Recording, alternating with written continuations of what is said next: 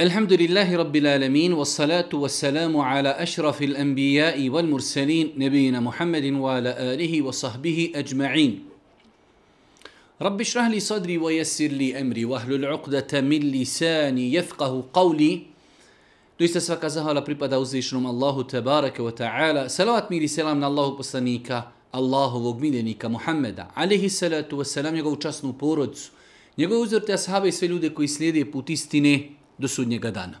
Uvažne vraću i poštovani sestri, uvaženi gledatelji, srijeda, naš ustavljeni termin u kojim se družimo sa vašim dilemama i vašim pitanjima. Napominjemo po ko zna koji put da je doista mnogo pitanja, stotine e-mailova stiže na, naš, e, na našu e-mail adresu i doista je nemoguće, nemoguće odgovoriti na sva pitanja. Zbog mnošta pitanja, a isto tako i zbog težine pitanja. Mi se trudimo da znači odaberemo 50 do 60 pitanja sedmično i da na njih damo odgovor, nekada shodno obavezama i organizujemo dva termina sedmično kako bi odgovorili na što veći broj pitanja. Ovo je, ako Bog da, naše 22. druženje u kojem odgovaramo na vaša pitanja i vaša dileme. Prvo pitanje je imam stare iznemogle roditelje, kako je najbolje se ponašati i šta učiti u njihovim teškim trunicima, bolesti ili na samrti. U svakom slučaju, došlo je vjerodostojnim hadisima da Allah poslanik Ali Seletu Veselam je preporučio da osobe koje su na samrti, kada se vidi da su to već neki posljednji momenti, insanu da se preporučuje i da se insan podstiče na izgovaranje riječi La ilaha illallah, La ilaha illallah Muhammedu Rasulullah, Islamski učenjaci kada govori kako će to čovjek uraditi, spomenuli su e, shodno situaciji.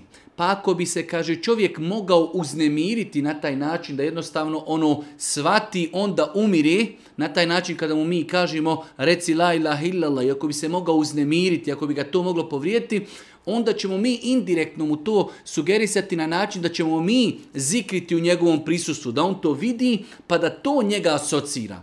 Znači imamo jednu metodu, imamo drugu metodu ako znamo da to neće povrijediti insana uznemiriti, da mu lijepo kažemo, znači da ga postaknemo, da kažemo reci la ilaha illallah Muhammedu Rasulullah, neka to budu tvoje posljednje riječi, jer je Allah poslanik alaih salatu wasalam obećao, znači, nagradu, oprost grijeha, džennet onome čije zadnje riječi budu la ilaha illallah Muhammedu Rasulullah. Tako da znači ono što insan treba u tim nekim teškim momentima kada vidi da su nekomi nastupile smrtne muke, da ga podstiči na izgovaranje riječi la ilaha illallah ili direktno, znači ili indirektno tako na način što će on pred njim zikriti i spominjati Allah, tebara kvetala, ne bili na taj način to i bolesnik počeo učiniti.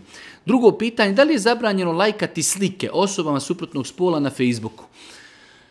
Pitanje, vjernik ne bi trebao da lajka slike žena kojima on nije mahrem, niti žene trebaju da lajkaju slike muškaraca koji njima nisu mahremi. Da ne govorimo o tome ako su to slike žena koji su otkrivene i tako dalje. Tako da vjernik ne bi trebao da lajka lajka slike ženama koje nisu, kojima on nije mahrem i žene ne bi trebale da lajkuju slike muškaraca koji njima nisu mahremi.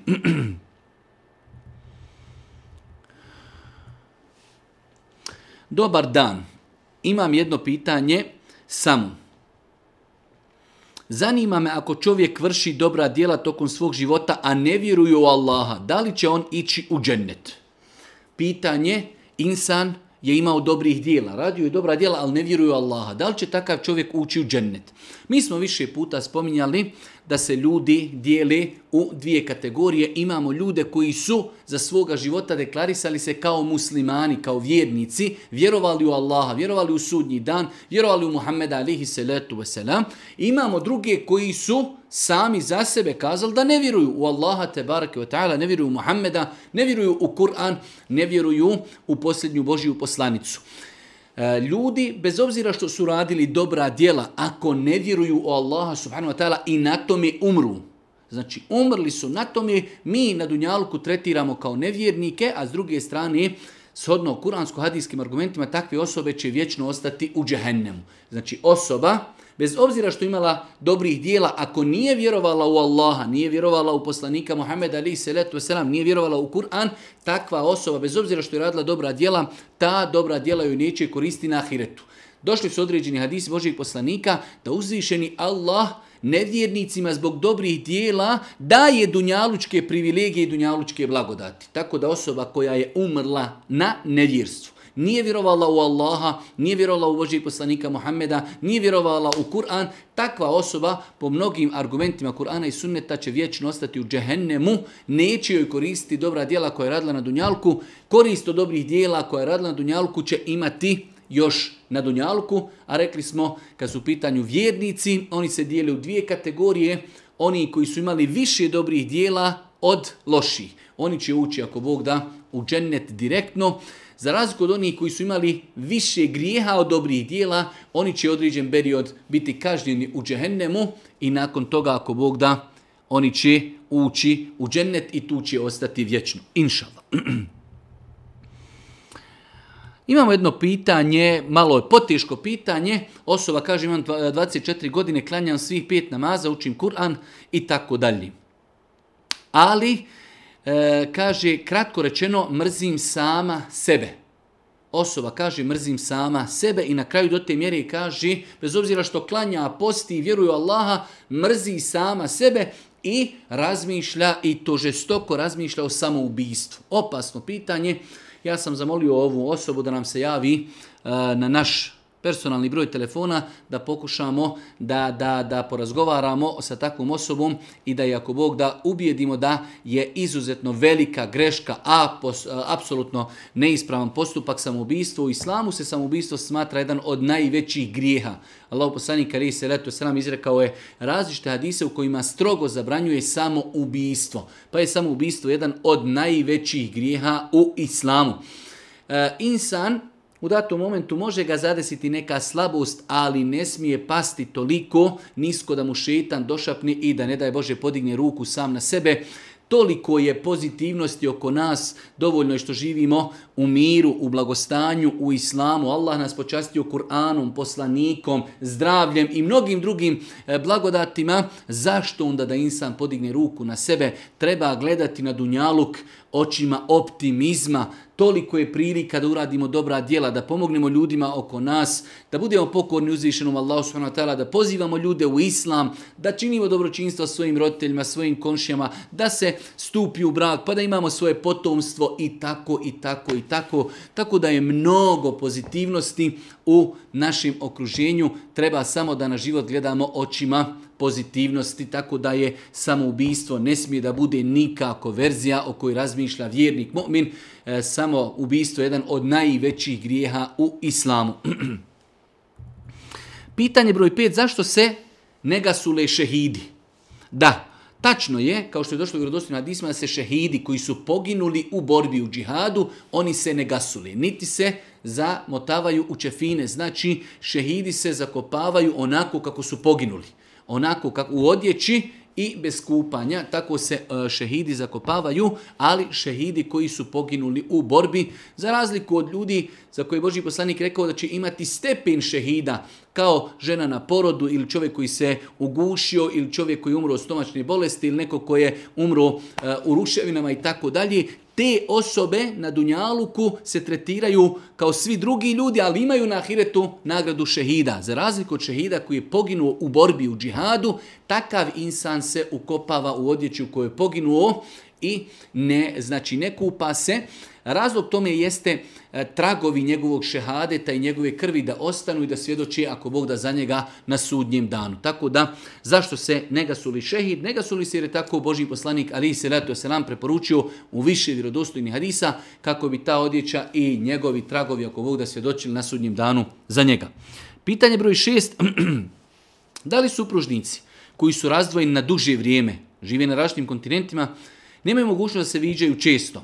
jednom godišnje se vidjeti, mogu slati fotografije razgoličenih tijela preko Whatsappa, Vibera i tako dalje. Pitanje je, znači, supružnici žive daleko, viđaju se samo jednom godišnji, mogu li, znači, u periodu kada nisu zajedno, da jedno drugom šalju slike na kojima su razgoličeni ili otkriveni havrita? Islamski učenjaci savremenog doba su dali odgovor na tako pitanje da je to nešto što vjernik ne bi trebao da radi vjernik ne bi trebao da radi. Dokazalo se i pokazalo se dosta puta u praksi da čovjek može takvu sliku prvo zloupotrijebiti. Znači, deksi se da čovjek šalje svoje supruzi slike, ona njemu, nakon toga se posade i onda on nju ucijenjuje ili ona njega ucijenjuje. To je jedna stvar. Druga stvar, e, veoma lako se može desiti da čovjek kada želi poslati supruzi sliku, da pošalje nekom drugom, pa pogriješi. E, isto tako, e, veoma lako se može desiti E, da neko drugi dođe do tog mobitela i da zloupotrebi te slike.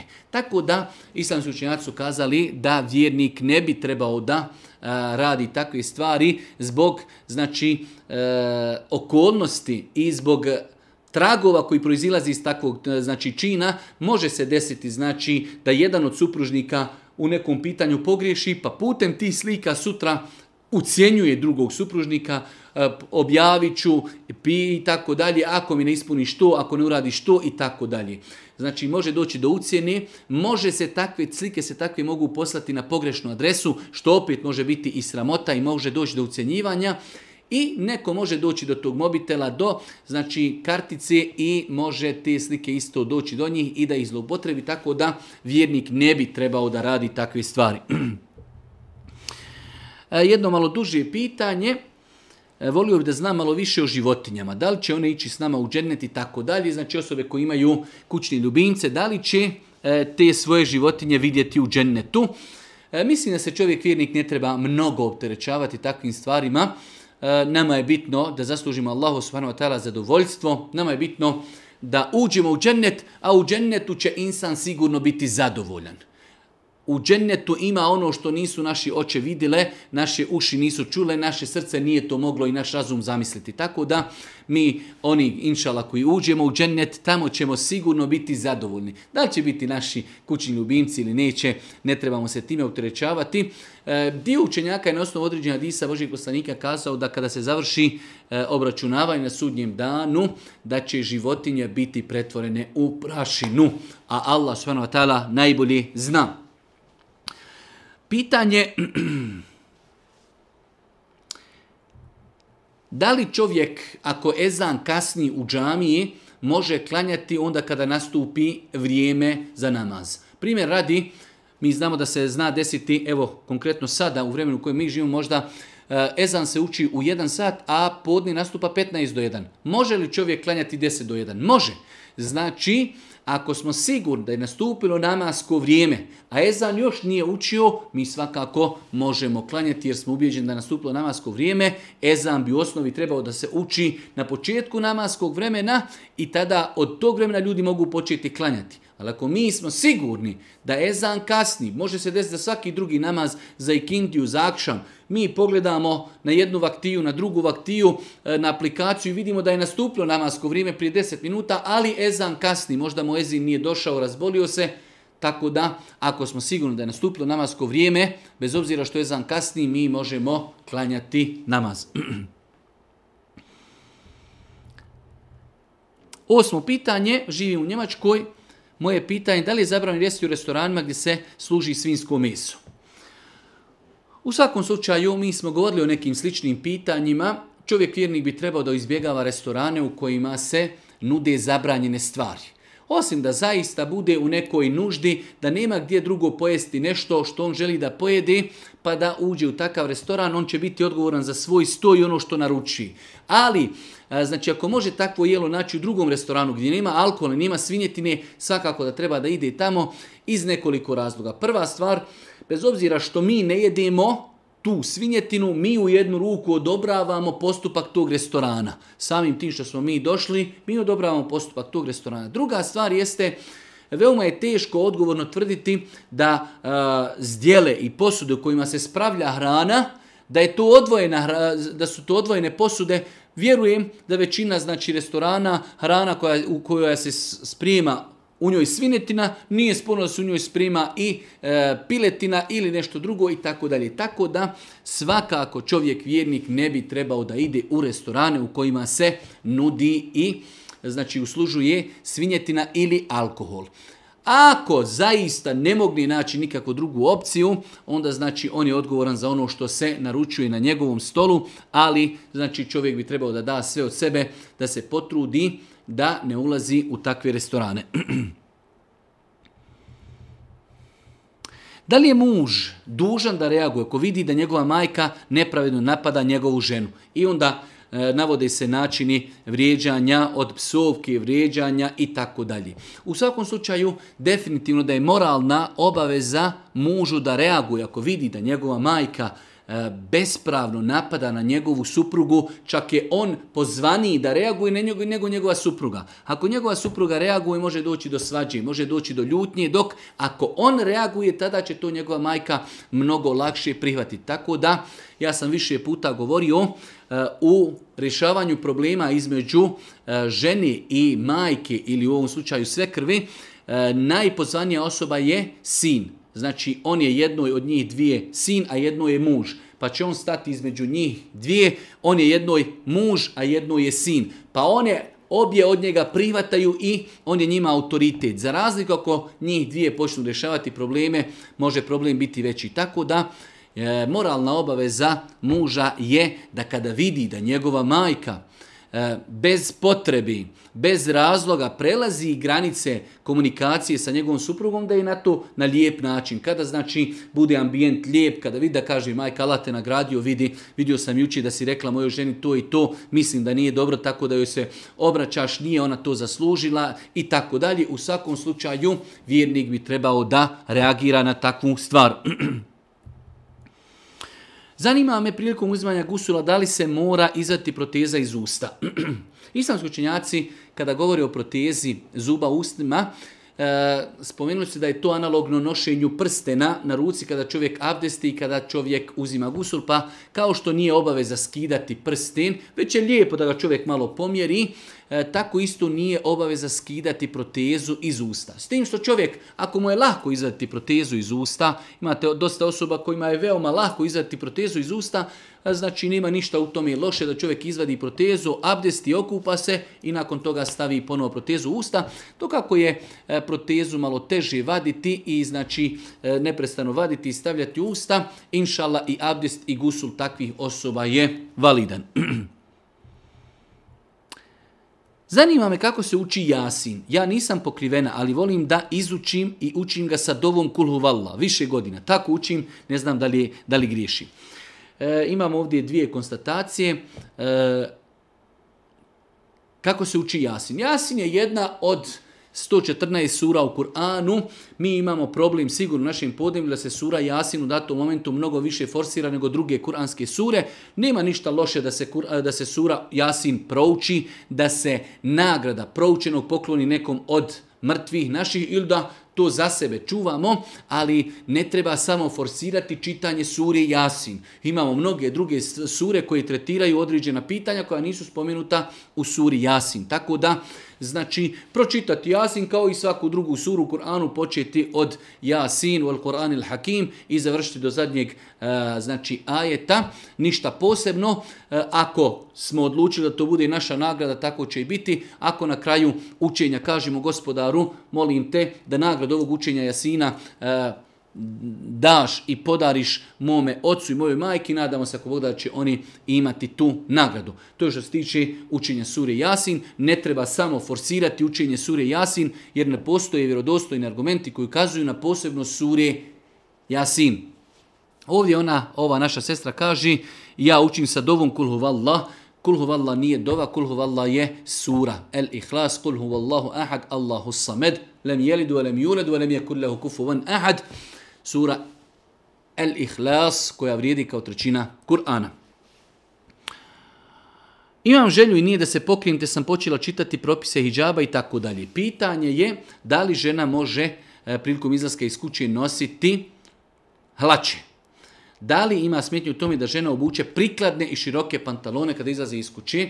E, ima. Ima. Islamski učenjaci kada govori o hijabu spomenuli su, spomenuli su osam uvjeta da bi određena odjeća bila validna i ispravna. Jedna od tih uvjeta jeste i da bude široko, da ne ocrtava dijelove tijela. Svakako žena kada nosi hlače, da se na taj način ocrtavaju dijelovi njenog tijela više nego što je potrebno. Tako da islamski učenjaci savremenog doba su spomenuli da je ženi zabranjeno haram da izlazi iz kući u odjeći uh, E, znači kao što su hlače. Ako bi žena nosila e, hlače ili suknja hlače ili neke helanke u kući, inšala, nadamo se da nije griješna zbog toga, ali prilikom izlaska iz kući žena treba da nosi ili hlače, suknju ili da nosi veliki džilbab. Svakako ako nosi suknju treba preko nje da nosi dugu tuniku koja dolazi negdje do koljena a, ili da nosi nešto što naše sestre zovu ogrtač ili džilbab.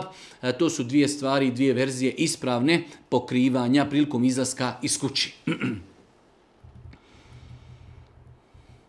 Želimo krenuti novu strancu u svome životu, ali kada god pokušam, nešto me spriječi ništa šta spriječava, spriječava šeitan. Šeitan ne želi da čovjek okreni novu strancu životu, želi da još ostane u njegovom timu i da sluša ono što on radi.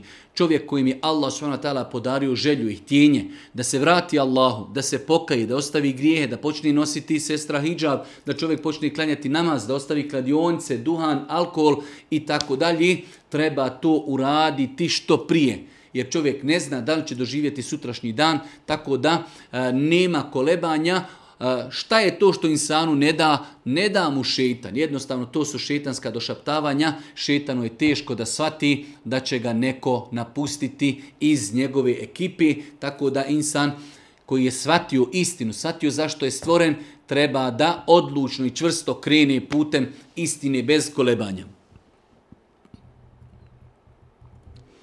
Zašto neki učenjaci uče sure na različite načine? Primjera u suri El Asr. Neki prouče sa El Asr, a drugi El Asri. Ovo su mali sitni razlike, odnosno to i nisu razlike. Imamo i mnogo veći razlike kad su u pitanju kirajeti, gdje u datim kirajetima se određeni riječi u Kur'anu izgovaraju drugačije i to, alhamdulillah, nije ništa sporno. U ovom slučaju neko uči Wal Asr, a neko uči Wal Asri innel insanele fi husr ako smo stali nakon prvog ajeta wal asr, onda ćemo stati na slovo r sa sukunom. Ako prelazimo i spajamo sa drugim ajetom, onda kažemo wal asri innal insane lafi husr. Pa je znači ovdje u pitanju samo stajanje i spajanje ajeta. Ako stajemo na kraju prvog ajeta wal asr, onda stajemo i na slovo R je sukun. Ako prelazimo, tada čitamo kesru e, koja je na slovo R, tada kažemo val asri innel insane lefi husr, tako da to i jedno i drugo je ispravno i proučiti prvi ajet i zaustaviti se i proučiti prvi ajet pa ga spojiti s drugim ajetom je ispravno i nisu to razlike u Kur'anu. Da li je dozvoljeno pokloniti e, u islamu po, e, dozvoljno pokloniti kosu. Imam dugu kosu i željam je da poklonim djeci oboljelo od raka.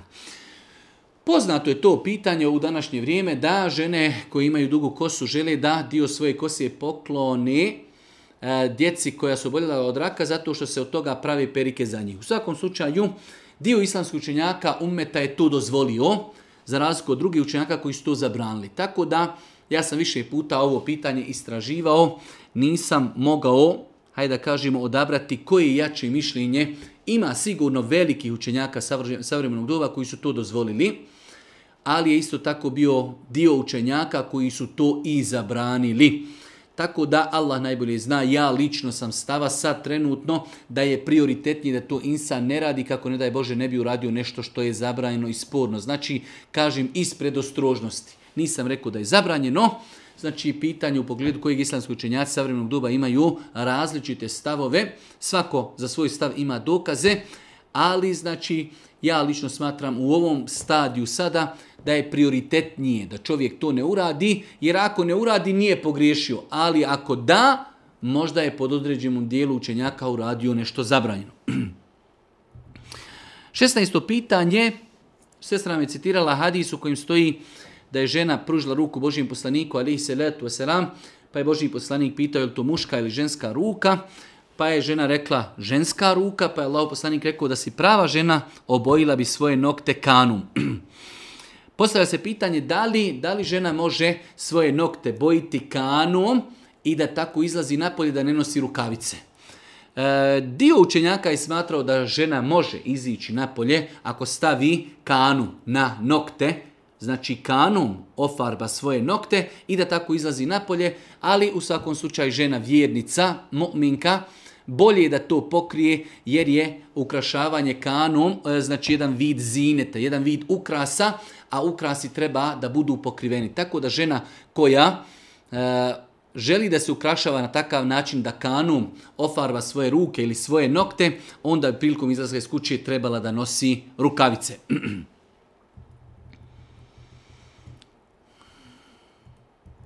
Ima li osnove za četiri rekiata sunneta e, namaza prije džumi? Da li je to novotarija i tako dalje? E, čovjek kada dođe na džumu, može, sve dok imam ne, ne, ne dođe i popni se na mimber, može klanjati na filu. Može klanjati dva rekiata, može četiri, može šest, može, može osam i tako dalje. E, ne postoje određeni potvrđeni sunneti koji se trebaju klanjati prije džumi.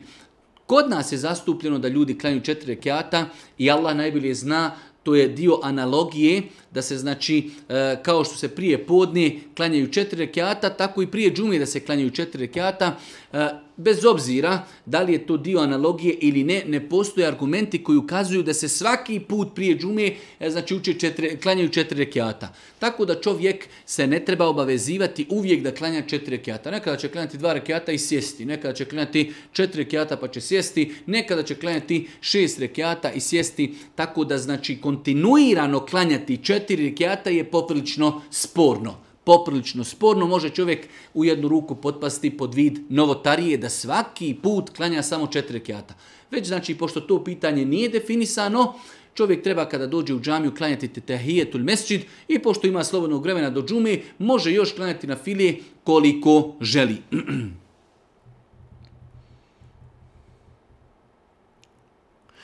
E, pitanje, jedna sestra kaže, ja klanjam recimo sunnete, pa farze, pa sun sunnete. Da li je validno poslije farza sikriti pa sun sunnete klanjati ako klanjam sama u kući ili tako dalje? Znači, žena nam postavlja pitanje, ona kod kuće primjeradi klanja podne, prvo klanja sunnete, pa klanja farze, pa nakon toga klanja kako i ona naziva sun sunnete. Nekada kaže zikri poslije farza, a nekada zikri nakon kompletog namaza. Ispravno je da osoba koja klanja i u kući i klanja u džamiji treba da zikri nakon farza. Zbog vjerodostojne hadisa u kojima Allah poslanika ali se letu se nam zabranio da se spajaju namazi sa farzima. Znači čovjek kada klanja sunnete, nakon toga klanja farze, uči se i kamet i ti, znači sunneti i farzi su rastavljeni. Nakon toga se zikri nakon farza, nakon toga se klanjaju sunneti. Tako da je lijepo i pohvalno da osoba koja klanja ili kući ili u džematu da zikri nakon farza, a ne nakon kompletnog namaza. Da li je haram dopisivati se sa momkom ako imamo nijed za brak? ali trenutno nismo u mogućnosti. Radi se o periodu dvije, tri godine. Ja sam stava da ako osobe imaju potrebu da se dopisuju o ozbiljnim temama o braku, da nije sporno šerijetski da se dopisuju, ali da to bude kraći period, znači osobe imaju namjeru da se uzmu, pa određene stvari dopisuju se i dogovaraju kad će biti svadba i tako dalje.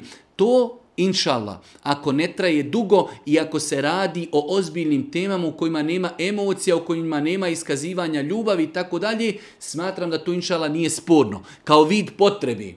Ali dvije, tri godine čekati, dopisivati se, to je po meni već sporno. Tako da, znači, e, dopisivanje sa ženom koju čovjek hoće oženiti, ako se radi u nekom kraćem vremenskom periodu, e, znači, ozbiljni su, dogovaraju kada će biti svadba, e, šta ja znam o nekim bitnim životnim pitanjima, razgovaraju i da se dopisivaju putem poruka bez iznošenja emocija, bez ljubavnih poruka, ne vidim u tome ništa sporno ali da će to trajati godinama, dvije ili tri godine, kao što ovdje piše, smatram da čovjek musliman to ne treba raditi. Dvije, tri godine je dug period, e, može se desiti da se insan dopisuje sa djevojkom, nakon toga nađe drugu, pa ovu ostavi i tako dalje. U svakom slučaju, e, smatram da je period od dvije ili tri godine e, predug period u kojem bi čovjek trebao da se dopisuje sa nekom osobom koja je, e, kojoj je on stranac, bez obzira što imaju namjeru da stupi u brak. Da li se može dobiti na maternjem jeziku dok je se na seždi? Rekli smo više puta, ja sam stava da se može na seždi dobiti u namazu koji je na fila, dobrovoljni namaz, a u farz namazima je to bolje izbjegavati. Bolje izbjegavati e, dovu u farz namazima za razliku od sunnijeta gdje se inšala može dobiti na svom jeziku maternjim. Nikako da čujem da neko pita da li je haram da se slavi rođendani. Molim vaše mišljenje. Koliko sjećam da smo mi mislim u Ramazanu ili eventualno u ovom našem serijalu nakon Ramazana odgovor na ovo pitanje. Ja lično sam stava da vjernik ne treba djecu učiti tome da im uh, organizuje slavlje povodom rođendana. Uh, Ali isto tako, ako to neko i uradi, nije to stvar vezana za vjeru, pa da mi kažemo da je to novotarija. Da, ona se ponavlja iz godine u godinu, ali niko to ne doživljava kao neki, hajde da kažemo, vjerski čin. Tako da, e, ja sam stava da to treba izbjegavati ali isto tako e, teško je kategorički kazati da je to haram i da je to zabranjeno, ali ono što se može kazati da je to bolje svakako izbjegavati, jer nije to praksa muslimana, to su muslimani preuzeli od nemuslimana. Zanima ako idem u školu, a nastavim počinje u jedan, da li sam dužan ići na džumu ili mogu ostati u školi? Govorili smo nekoliko puta o propisima odlaska na džumu kad su u pitanju školarci. Rekli smo da bi se školarci koji su punoljetni svakako trebali da potrudi, da razgovaraju sa direktorom, da razgovaraju sa nastavnikom kod kojeg imaju čas da jednostavno im dozvoli, ako ništa samo da odu, da a, znači otkanjaju džumu namaz da se odmah vrati u školu, tako da a, e, trebali bi da se maksimalno potrude da a, E, što više mogu i što češće da prisustuju na džuma namazama, na, na džumama namazu, a ako bi se eventualno desilo da nekada ne mogu otići, da li zbog ispita ili iz određenih drugih razloga, onda će u školi klanjati podni namaz.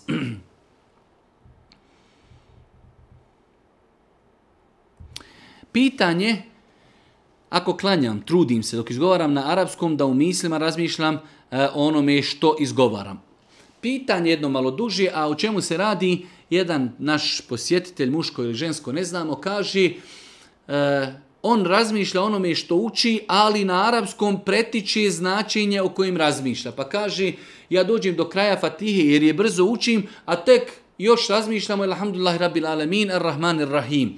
E, da li je to ispravno? E, Pa u svakom slučaju čovjek vjernik bi trebao da pokuša uskladiti, da ne uči toliko brzo, da uči lagahno pa da kaže Alhamdulillahi Rabbil Alamin i da razmišlja o značenju tog ajeta. Nakon toga da kaže Ar-Rahman Ar-Rahim, milostivi i samilosni i da razmišlja o tom značenju. Maliki je umidin, vladar sudnjega dana, da razmišlja o tom značem. Nelogično mi je da čovjek proučuje fatihu, a još cijelo vrijeme razmišlja o prvom ajetu. Svakako ako se to desi, e, namaz je ispravan, ali ono što bi čovjek trebao jeste da razmišlja i znači da u glavi ima onaj ajet kojeg trenutno, onaj ajet kojeg trenutno uči.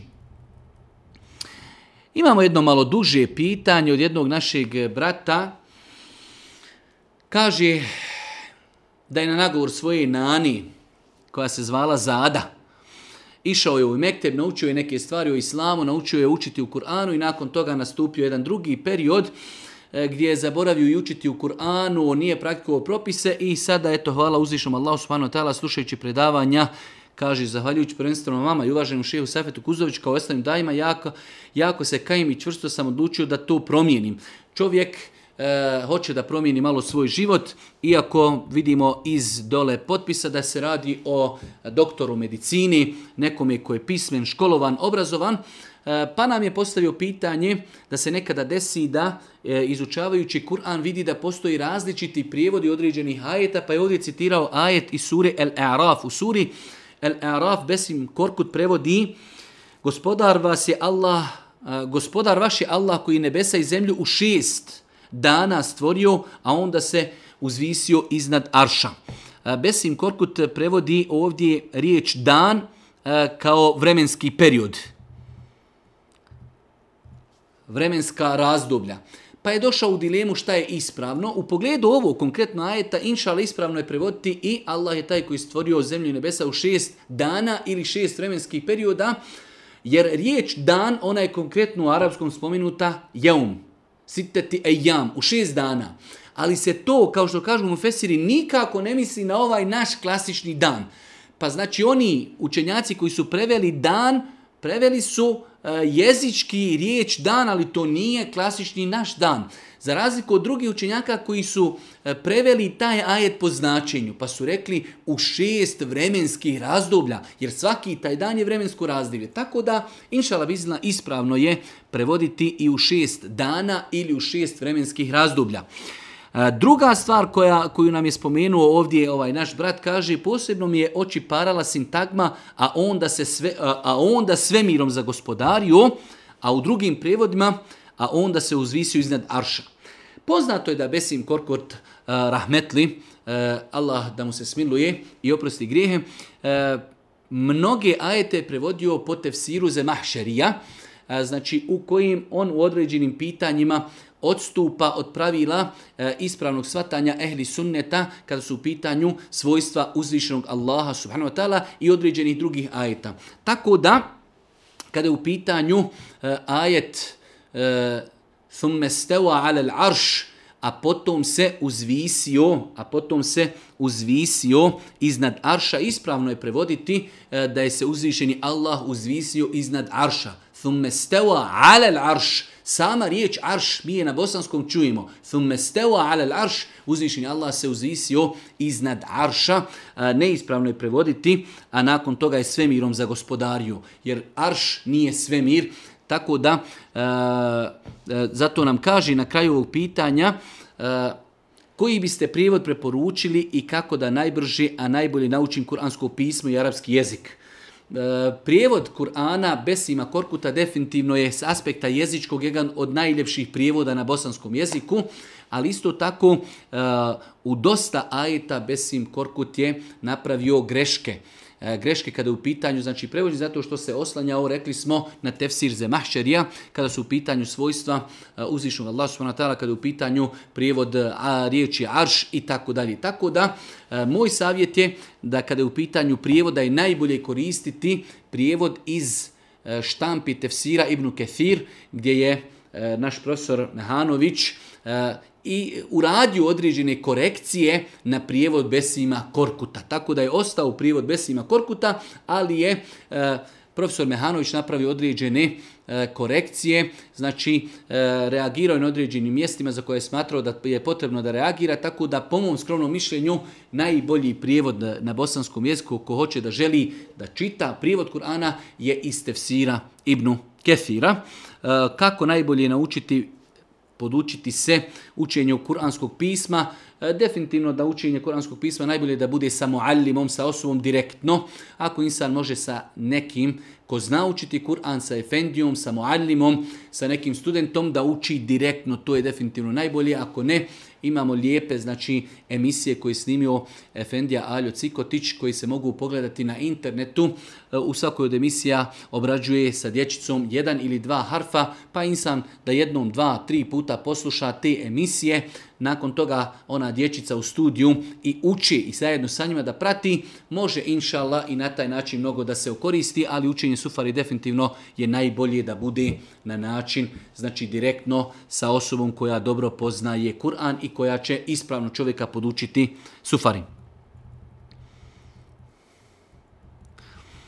Jedan brat nam se javio e, i ja sam njemu dao broj kod telefona pa smo se čuli. Osobe koje imaju e, određene vesvese i došaptavanje u pogledu tahareta i čistoći, pa nam se brat javio u pogledu e, nečistoće koja ostaje nakon što se čovjek operi od znači velike nužde, po njegovom nekom, hajde da kažem, razumijevanju, insan koji se opere vodom, očisti vodom nakon velike nužde, kao postoji mogućnost da će ostati neki tragovi nečistoće, pa da li je takav namaz validan ili ne i tako dalje. U svakom slučaju ja sam takvog insana i upitao, a zamislite za vrijeme Božijeg poslanika, Božijeg poslanik je odobrio da se ljudi nakon nužde očiste kamenom, ili da se očiste korom, ili da se očiste drvetom, znači nemoguće je kamenom očistiti, hajde da kažemo, kao što se čovjek očisti vodom pa je Boži poslanik odobrio namaz osobe koja se od velike i male nužde očisti kamenom, očisti se korom od drveta. Pa insan treba da zna i ne smije dozvoliti šeitanu da mu dođe i da mu unese nejasnoće, šubhe, došaptavanja, vesvese u, pogleda, u pogledu e, znači ovog pitanja. Čovjek treba da se očisti vodom, ako želi još uz to da, znači, da se očisti i toalet papirom, nakon toga znači treba da e, uzme abdest i njegov namaz ako Bog da je sigurno ispravan. Slično drugo pitanje od iste osobe jeste e, precizno okretanje prema kibli gdje nam kaže ovaj brat Postavim peškir pa zatim na njega telefon sa uključenim kompasom koji pokazuje 134 stepena od sjevera, odnosno pravac prema kibli i bukvalno gledam u milimetar da sam okrenut prema kibli. Uh, E, nema potrebe se čovjek toliko opterećuje da gleda milimetar. Bez obzira koliko se mi potrudili, te naše aplikacije ili kompasi ne mogu nam nikada potrefiti da mi tačno dole pogodimo u, u kjabu. Jer mi ovdje kada odstupimo milimetar, to je dole na udaljenosti Kjabi sigurno 20, 50, 100 metara, ako ne i kilometar, 2 ili 5 ili 10. Tako da uzvišeni Allah nas ne duži da se okrenimo prema Kjabi, već da se okrenimo u pravcu Kjabi. Tako da čovjek treba da zna otprilike gdje je pravac Kjabi i Kibli i da se tako okreći, ali bez nekog pretjerivanja da pokuša kao u milimetar da se tačno okreni. Boži poslanik za stanovnike Medini, koji su znači više od 600 km daleko od Mekke kaže između istoka i zapada sve je kibla. Znači pazite, znači koliko je to širok pojam kaže od istoka do zapada sve to prema Mekki je kibla. Tako da insan znači iako napravi određeno manje odstupanje od pravca kibli, njegov namaz je validan, svakako neće to rati namjerno, ali čovjek treba da se okrene znači u pravcu kibli, a ne da mora u milimetar da se okrene kibli prema Kjabi.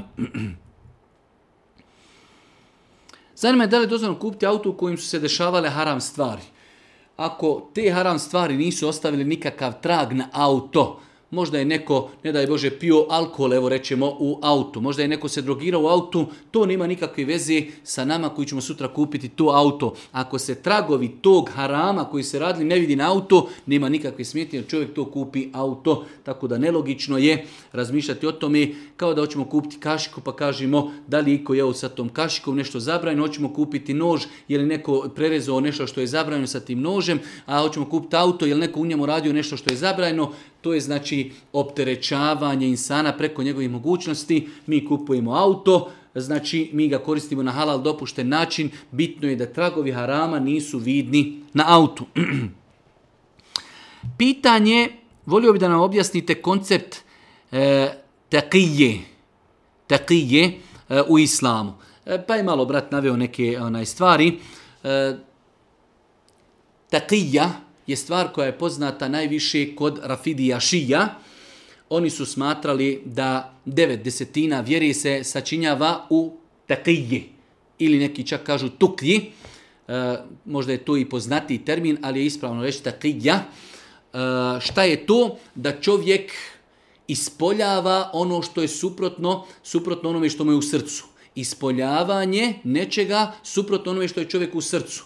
Eh, oni pribjegavaju tome kada je u pitanju njihovo obhođenje prema ehli sunnetlijama, pa se predstavljaju da su muslimani, da ne psuju Ebu Bekra, da ne psuju Omera, da ne proklinju Aishu, a kada odu eh, znači od ehli sunnetskih eh, sljedbenika, onda proklinju Ebu Bekra i Omera i psuju i vrijeđaju i tako dalje, pa je to kod njih devet desetina vjeri, što je svakako dalaret i zabluda. Ehli sunnet vol džemaat, E, znači kada je u pitanju taqija, smatraju da čovjek ima u datom momentu pravo, ali ako je u pitanju nužda, da prikrije ono što se nalazi u njegovom srcu, ako je u pitanju život, ako je u pitanju ubijstvo, da čovjek prikrije, odnosno da ispolji ono što je suprotno onome što se nalazi u njegovom srcu, ali su kazali islamski učenjaci ehli sunneta, taqija kod ehli sunneta je nužda u osnovi mi ono što smo ubijeđeni, to govorimo i tako se ponašamo. Za razliku od Rafidija Šija, čiji devet desetina vjere je pretvaranje, a to mi kažemo da je to licemjerstvo i nifak. Kod ehli sunneta je dozvoljeno da čovjek ako bude u situaciji da ga neko prisiljava, da nešto kaže, da ga hoće ubiti, da ga hoće znači e, zaista neku veliku mu štetu nanijeti, da u datom momentu znači ponaša se suprotno od onoga što se nalazi u njegovom srcu, ali je to u ophođenju prema neprijatelju, za razliku od Rafidija Šija koji se tako opode sa svojom takijom, prema ehli sunnetskim učenacima. Nadam se, inšala, da smo e, kratko, o tome bi se moglo doista mnogo govoriti. Rezime svega toga jeste da e, Rafidije šije smatraju da je 90-ina njihove vjere u takigi pretvaranju, laganju, e, ispoljavanju, znači e, vanjštine, suprotno onome što se nalazi u srcu. Naveo sam najbolji primjer, oni kada sjede sa ehli sunnetskim e, eh, sljedbenicima, oni e, neće psovati Ebu Bekra, neće psovati Aishu, neće psovati Omera, a kada odu, onda to radi, to je to pretvaranje i laganje. Oni to radi sa muslimanima, za razliku od ehli sunneta, gdje oni kažu osnove da čovjek treba da govori, da se ponaša shodno onome e, čemu je ubijeđen i što mu je u srcu, osim u datom momentu nuždi, kada bi bio u pitanju njegov život, gdje čovjek ima pravo da bi sačuvao svoj život ili svoju porodcu, da znači se ponaša suprotno od onoga što mu je u srcu, ali samim prestankom te nužde prestaje i takija i ta takija je prema neprijateljima, a ne nikako prema muslimanima. Radim u policiji gdje sa kolegama e, nemuslimanima u noćnoj smjeni sam, sam e, na terenu. Pa me zanima kada hoću da klanjam sabah, da li mi je dozvoljeno da uzmem tejemom ili moram nositi flašu za vodu.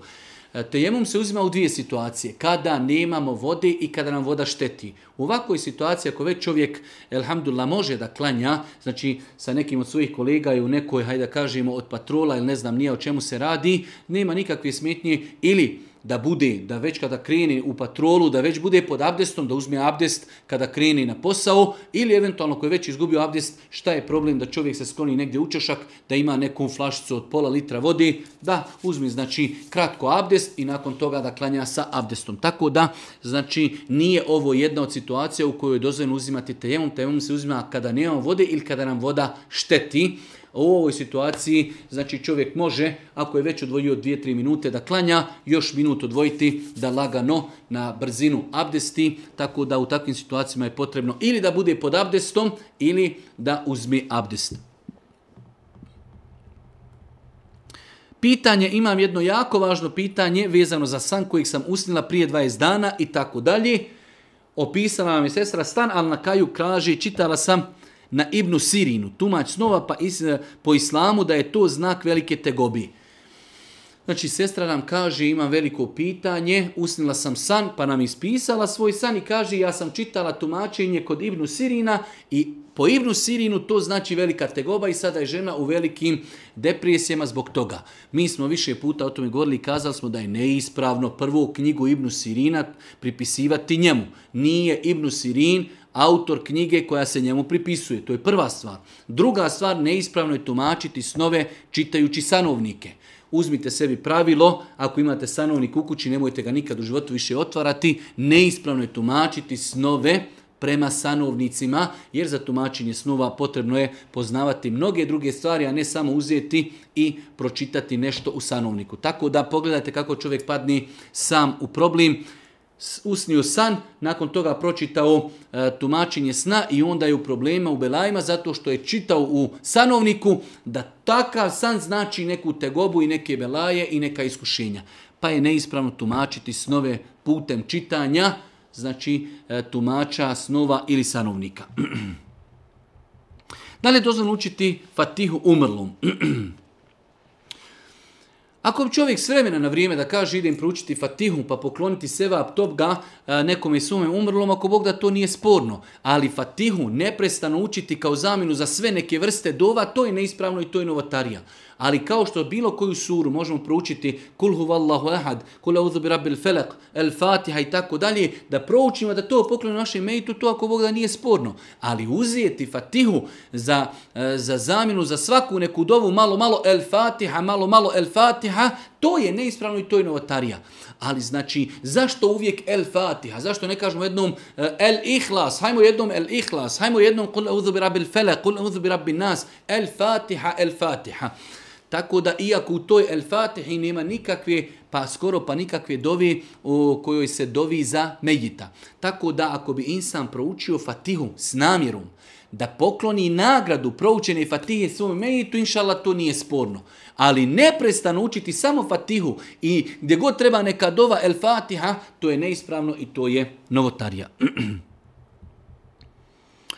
Moji roditelji posjeduju dva stana – U jednom, živi, u ži, jednom živimo, jedan smo prodali osobi koja je pravoslavac. Čekamo da nam on isplati e, dok e, dobije od banke pare, pošto je aplicirao da dobije kamatni kredit. Pitanje je da li možemo prodati svoj stan osobi za koju znamo da će pozajmiti pare od banke putem kamatnog kredita pa nama platiti svakom slučaju, pitanju u pogledu kojih su se islamski učenjaci savremenog doba razišli, dio velikih, znači jedan dio bitnih učenjaka je smatrao da je to dozvoljeno. Da nas ne interesuje kako će čovjek i od kakvih para će nama isplatiti, Nama je bitno da donese pare, da znamo da nije ukrao te pare, da nisu to tuđe pare, donio je pare, izbrojio pare za stan i po dijelu učenjaka to je dozvoljeno. Dok je bio dio učenjaka koji kazao, ako sigurno znamo da je on uzeo kamatni kredit, ne bi trebali da mu to prodamo iz razloga što mi na taj način odobravamo kamatu i podržavamo uzimanje kamatnih kredita. Tako da, pitanje je kompleksno, pitanje u pogledu kojeg učenjaci imaju različite stavove, definitivno ako osoba može da izbjegne takvu prodaju, definitivno rekli smo da je to bolje ako čovjek može da izbjegne razilaženje islamske učenjaka, jer ako insan proda taj stan na takav način, dio učenjaka je za njega kazao da je počinio haram. Ako može, da znači e, proda stan nekome drugom, svakako da je prioritetni. Od džamije sam udaljen oko 1 km i tako dalje, pa uh, Pitanje je da li se može iskoristiti vrijeme prilikom odlaska na sabah i povratka sa sabaha i odlaska na jaciju i povratka sa jaciji da se uči jutarnji večernji zikr, nima nikakve smjetnje, da čovjek lagano pješači i uči jutarnji večernji zikr prilikom odlaska na sabah i povratka sa sabaha i prilikom odlaska na jaciju i prilikom povratka sa jacije.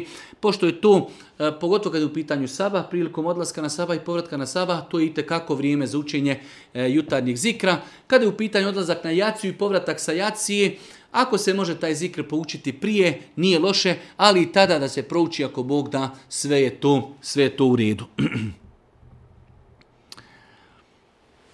34. pitanje, Ima li sporno išta u tome da se nokti sjeću poslije akšama? Nema ništa sporno da se nokti sjeku bilo kojim danom i u bilo koje doba dana i noći. Niti postoji dan u sedmici, utorak, srijeda, četvrtak, da je sporno sjeći nokte u tom danu ne postoji, niti postoji sahat u određenom danu kada je to zabrajeno kao posljakšavan, posljaci i tako dalje, tako da se nokti mogu sjeći tokom cijele sedmice i tokom svih sati, znači u toku dana, jutrom, na podne, na ikindiju, na veće i zajutra, kada god čovjek ima zatim potrebu. Da li je zabrajeno pucati pirotehniku za Bajram i Novu godinu? Mislim da smo već jednom odgovorili na takvo pitanje. E, rekli smo, generalno islam nema ništa protiv toga da čovjek baci petardu koju za Bajram, da bi obilježio Bajram. Ali, pri tom je da pazi da nekoga nečiju sigurnost ne ugrozi, e, da to nije previše skupo i da to država ne usporava. Bilo koji od ovih uvjeta da se ne ispuni, čovjek to ne treba koristiti. Ako će nekoga uznemiravati, ako će nečiju sigurnost ugroziti, ako to država osporava, onda to čovjek ne treba raditi. To je što se tiče Bajrama. Znači, generalno, nije, nije ništa sporno da čovjek za Bajram baci koju petardu. Ali pod uvjetom da nikoga ne ozlijedi, da nikoga ne uznemirava i da to država ne osporava.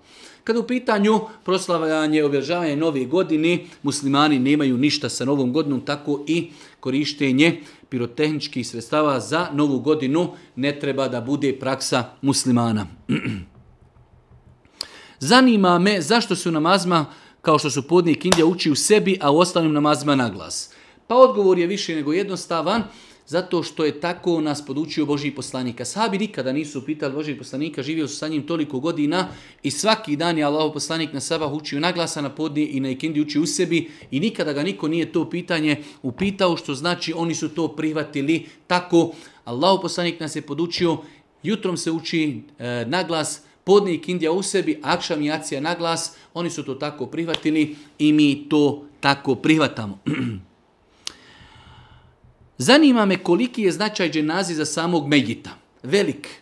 Velik je značaj dženazi za Megita pošto znači nakon što se na prvom rekiatu uči Fatiha, na drugom se uči salavati, na trećem se e, nakon trećeg e, na, nakon prvog tekbira se uči Fatiha, nakon drugog tekbira se uči salavati, nakon trećeg tekbira se uči dova za Megita, tako da svi ljudi koji su došli na dženazu uče dovu za Megita, moli Allaha da mu oprosti grijehe i da mu podari džennet, tako da je korist dženaze velika.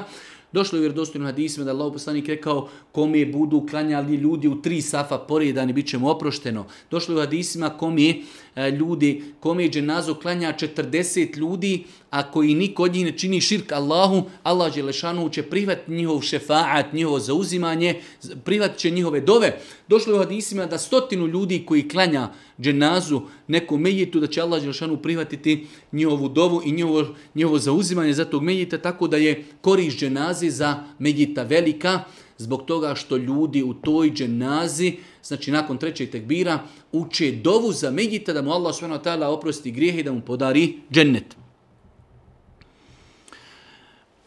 Moje pitanje se odnosi na suru Ihlas e, i tako dalje. Znam da postoje argumenti koji ukazuju na vrijednost sure Ihlas koji prouči deset puta. Da li postoji e, hadis koji govori o tome ko prouči suru Ihlas stotinu puta da će mu biti oprošteni grijesi za 50 godina koje je počinio? E, Eh, vjerodostojni hadisi potvrđuju da sura Ihlas vrijedi kao trećinu Kur'ana.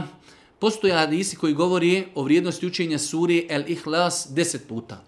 Nisu vjerodostojni hadisi u kojima stoji nagrada za onoga pro, ko prouči suru El Ihlas stotinu puta ili dvijesto puta, da će mu biti oprošteno 50 godina grijehe koje je činio takvi hadisi nisu vjerodostojni. Jedan od tih hadisa bilježi imam e, Tirmizi, ali taj hadis nije vjerodostojan. Svakako to ne isključuje da mi proučimo suru e, El Ihlas, kul huvallahu ehad, stotinu puta ili dvijesto puta. Ali ne možemo samo kategorički tvrditi da onaj ko prouči stotinu puta ima takvu nagradu. Ali onaj ko prouči stotinu puta suru El Ihlas sigurno za svaki harf će imati sevap. Znači, e, isto tako drugi argumenti koji kazuju jednom proučena sura Ihlas vrijedi kao trećinu Kur'ana, pa šta mislite onda koliko će čovjek imati nagradu ako stotinu puta, stotinu puta prouči suru El Ihlas, ali pitanje da li postoji vjerodostojan argument koji ukazuje da ko prouči suru El Ihlas stotinu ili dvjesto puta ima određenu nagradu, ne postoji vjerodostojan takav hadis. Selam aleikum, brate, zanima da li je haram biti u braku sa osobom druge vjeroispovijesti. E, ne znamo od koga je došlo pitanje, u smislu muškarac ili žena. Muslimanima, muškarcima je dozvoljeno da ožene nemuslimanke koje su ehlul kitabike, židovkinje ili kršćanke. Židovkinje ili kršćanke, muslimanima je dozvoljeno da ožene pod uvjetom da su četne i moralne i poštene. Rekli smo da mi to ne preporučujemo bez obzira što je dozvoljeno zbog mnoštva nekih problema koji mogu nastati u budućnosti. Ali kao je dozvoljeno? Dozvoljeno da musliman oženi kršćanku ili židovkinju koji su čestite i moralne. Žena muslimanka s druge strane ne može se nikada po konsenzusu islamskih učenjaka udati za nemuslimana. Žena muslimanka se ne može po konsenzusu islamskih učenjaka udati za nemuslimana i udaja za nemuslimana, znači intimni kontakt sa nemuslimanom se smatra bludom bez obzira što to neko zove muslimana E, brakom. Znači da rezimiramo, žena muslimanka se ne može nikada udati, zabranjeno da se uda za nemuslimana, za razliku od muslimana kojim je dozvoljeno da oženi kršćanku ili židovkinju pod uvjetom da su čestite i moralne, ali smo rekli iz praktičnih razloga bolje je da se to ne radi.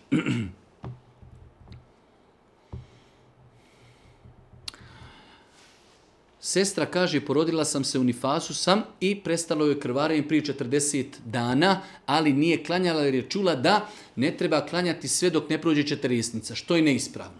Znači, moramo naučiti jedno pravilo, to je uh, da je ženi zabranjeno klanjati nakon poroda dok ima krvarinje. Kada prestane krvarinje, bude sigurno da završio nifas, ona će se okupati i početi klanjati, a to se može desiti 25 dana nakon poroda, 30 dana nakon poroda, 35 dana nakon poroda. Šta mislite žena koju je nakon 35 dana nakon poroda prestalo krvarinje i ona čeka još 5 dana pa da se okupa. 5 dana ne klanja, što je strogi haram. Tako da žena muslimanka koja se porodi nakon poroda, znači kada prestane krvarenje i bude sigurno. Neće požurti sad stalo krvarenje odma nakon pola sata da se kupa, ali će sačekati da bude sigurna da je doista prestalo krvarenje. Kada bude sigurna da je krvarenje prestalo, to je znak da je završio nifas. Ona će se okupati i od tada je obaveza da klanja namaze. U ovom slučaju ova sestra nekoliko dana nije klanjala, treba takve namaze naklanjati.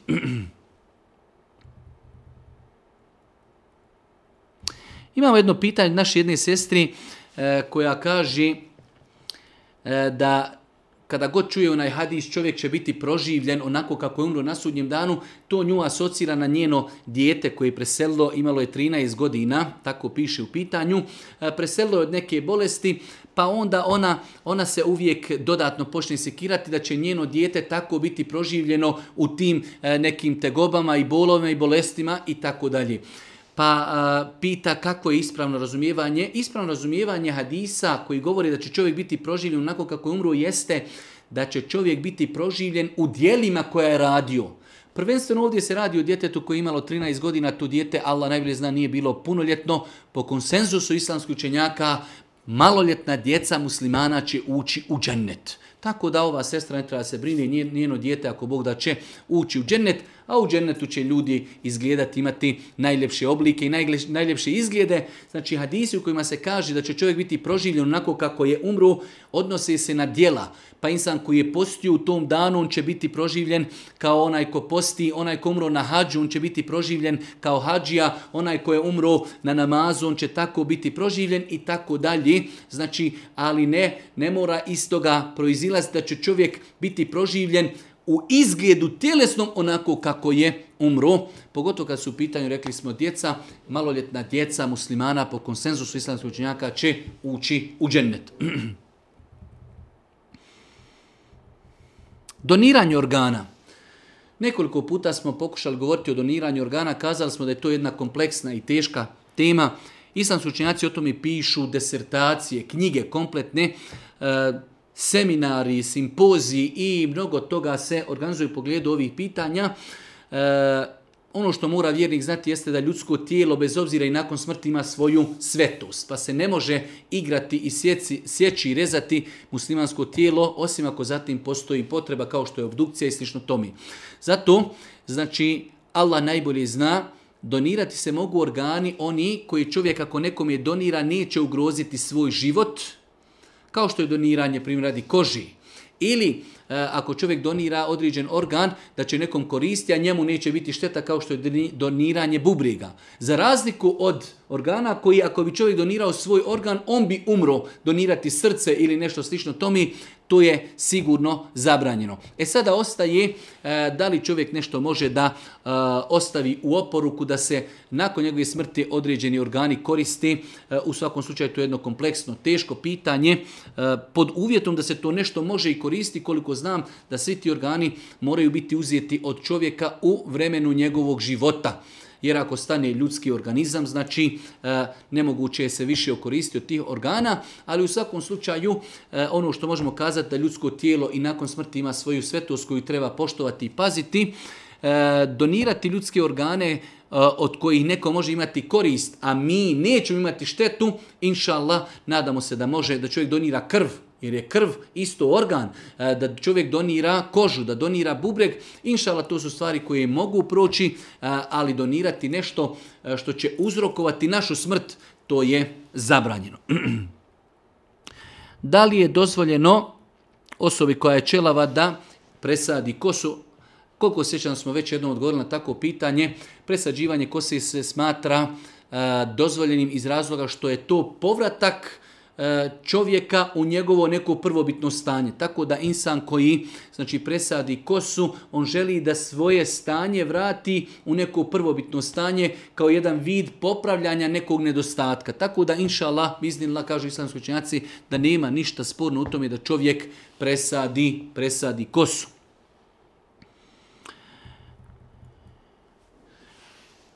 kada umri čovjek koji je svjedočio da nije drugog Boga osim Allaha, ali nije bio redovan namazlija, da li je dozvoljeno naslijediti takvog čovjeka?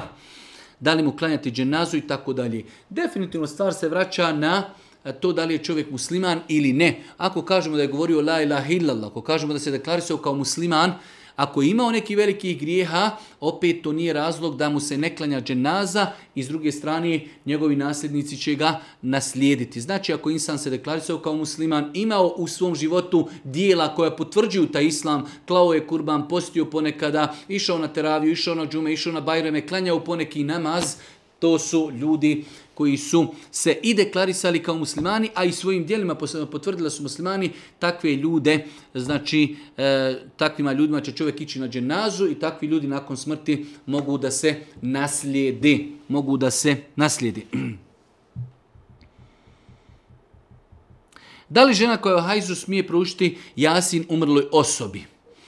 E, može, nema smetnje, mi smo rekli da ne postoje jasni argumenti koji zabranjuju ženi u toku mjesečnici da uči Kur'an. Znači, žena koja želi u toku mjesečnice da prouči jasin, nema ništa sporno, iako smo govorili o tome da ne mora eksplicitno uvijek da se uči jasin, može se učiti neka druga sura, ali je pitanje da li žena to može činiti u mjesečnici, rekli smo da može, treba da izbjegava doticanje mushafa.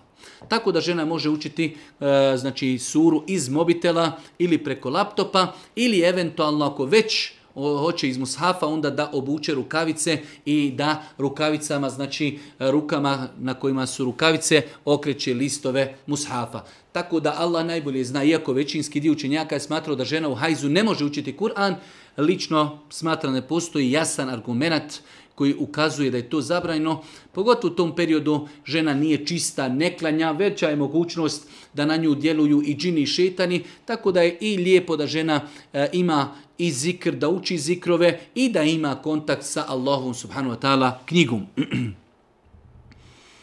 Dalje dozvam koristiti kozmetičke preparate na tjeme, glavi, ako u sebi ima alkohol. I da li je takav abdest validan? E, korištenje alkohola ako neće biti konzumiranjem kao vid obloge ili putem nekih drugih e, preparata, znači ako se koristi kao obloga ili kao krema, nije sporno. Ostaje pitanje da alkohol po ispravnom mišljenju nije nečist. Velik gručenjaka je smatrao da je alkohol nečist. Mi smo preferirali mišljenje da nije nečist tako da takve stvari i nekvari abdest i takvi, s takvim stvarima čovjek može i klanjati. Znači krema u kojoj ima alkohola čovjek je može koristiti i nakon abdesta i to mu nije pokvarilo abdest i može sa tim ako Bog da i klanjati. Kad smo govorili o parfemima, tada smo govorili detaljno o tome da alkohol inšala nije nečist. E, kako se ponašati u situaciji kada mi majka i brat protive se da klanjam u školi? E, i da li da pitam profesorcu da me pusti pet minuta ranije kako bi klanjao namaz. E, kaže Allah poslanik ali se letu selam nema pokornosti stvorenjima u nepokornosti Allahu. Mama i brat se protive što njihova čerka ili njihov sin klanja, klanja u školi namaz. E, Svakako da se insan u tome ne treba pokoriti svojim ni roditeljima, ni svojoj braći, ni svojim sestrama, bez ikakve panike, bez ikakvog, što bi rekao, bez ikakvih problema, u, u školi će lagano naći ili neki kabinet, ili neku, ili neku kancelariju u saglasnosti sa znači, nastavnikom ili pedagogom ili direktorom škole gdje će lagano otići 5 minuta obaviti namaz. Ako u datom momentu osjeti da ima mogućnost da mu neki od nastavnika dozvoli 5 minuta prije znači, znači završetka časa da ga pusti da ode klanjati, tako će ako Bog da i uraditi.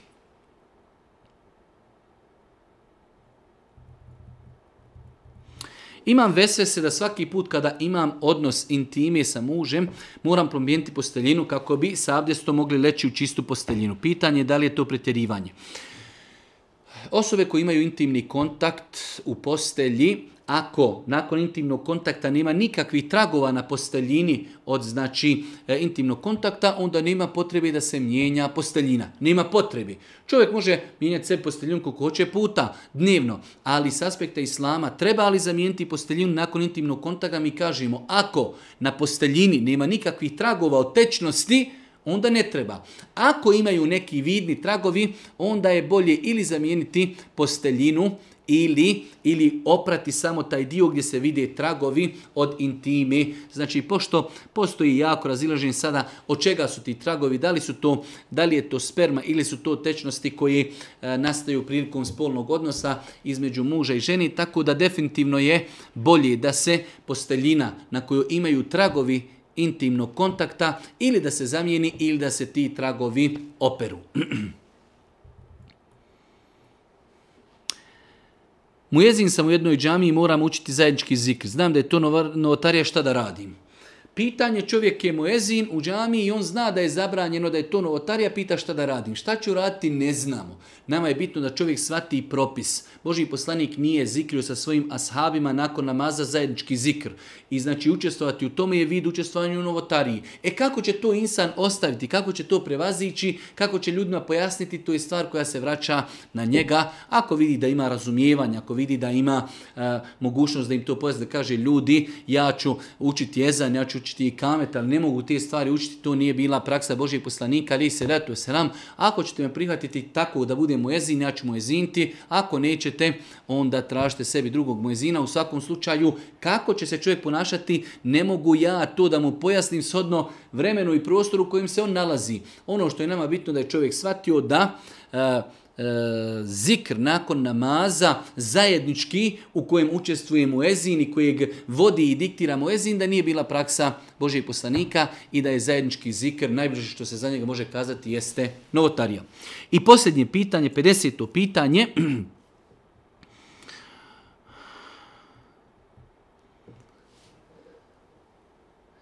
Zanima me šta bi moglo biti sa ljudima koji su postojali prije pojave Islama. i tako dalje. Imamo znači pitanje, e, mi znamo da između Isa alaih salatu wasalama i Božih poslanika Muhammeda alaih salatu wasalam je bilo oko nekih 700 godina. Bilo je oko nekih 700 godina. E, definitivno da da se učenje Isa alaih salatu wasalama definitivno da je se i izmijenilo, ali i da je da je nije bilo dostupno svim ljudima planete, pa je bilo ljudi do kojih nije došla poslanica Isaova ili Isusova, pa pitanje se nameći uh, e, kako će biti obračunati ili kako će polagati račune na sudnjem danu ljudi koji su živjeli prije poslanice Božijeg poslanika, alihi salatu wasalam, jer generalno pravilo imamo osoba koja umri kao nemusliman, kao nevjernik, ide vječno u džehennem. Pa su kazali, dio učenjaka je kazao, oni imaju opravdanje, jer Allah Đelšanu kaže, وَمَا كُنَّ مُعَذِّبِينَ حَتَّ نَبْعَثَ رَسُولَ Mi nećemo kazati jedan narod, sve dok im ne pošaljemo onoga ko će ih pozvati Resula ili poslanika. Pa je to jasan ajed, Allah Žešanu neće nikoga kazniti, osim da im je poslao onoga koji upozorava. S druge strane imamo ajete koji ukazuju da osoba koja umrije kao nevjernik nije bila, nije vjerovala Allaha da će ostati vječno u džehennemu. Postoje određeni argumenti i dokazi i Allah najbolje zna to je mišljenje i najbolje i najpreciznije i najpravednije da će uzvišeni Allah ljude koji su živjeli i nisu doživjeli ni jednog poslanika – i do njih nije došla poslanica niti jednog poslanika, da će ih Allah na sudnjem danu iskušati iskušenjem da uđu u vatru. Pa ako se pokori i uđe u vatru, to znači tako bi se oni pokorili i poslaniku. E, pa će se spasiti, a oni koji odbiju, to je dokaz da oni i na Dunjaluku ne bi slušali ne bi slušali poslanike i ono što od njih poslanici traži pa će biti kažnjeni. U svakom slučaju, znači, pitanje je podležno različitim pogledima, e, odnosi se pitanje na ljude koji su živjeli prije znači vremena Božijeg poslanika ali se letu sram i umrli u tom vremenu. Znači ljudi koji su došli živjeti nakon Božijeg poslanika, čuli za Božijeg poslanika i nisu povjerovali, kao što je došlo u vjerodostojnom hadisu, Allahu poslanik kaže biće vječno u vatri. Ljudi koji su čuli za Muhameda ali se letu sram nisu povjerovali, oni i umrli u tome, oni će biti vječno u vatri. Mi govorimo o ljudima koji su živjeli prije Božijeg poslanika, ali se letu se nam i nisu čuli ni za kakvu poslanicu, niti za kakvog poslanika. Imamo u Lemu koji su rekli za njih da će da imaju oni validno opravdanje. Drugi su opet kazali da su umrli u nevjerstvu i da će biti kažnjeni. A jedno od najjačih mišljenja jeste da će takvim ljudima biti priređen poseban ispit na sudnjem, sudnjem danu, pa shodno tome kako prođu taj ispit, zavisit će njihov uspjeh ili, ne daj Bože, kazna. Molim uzvišnog Allah subhanahu wa ta'ala da nas učite na putu istinije, molim ga subhanahu wa ta'ala da nam bude milostiv na sudnjem danu i na kraju subhaneke, Allahumma da bihamdike, šedu in la ilaha ilan stakfiruke, wa etubu ilaik. Oh, oh, oh.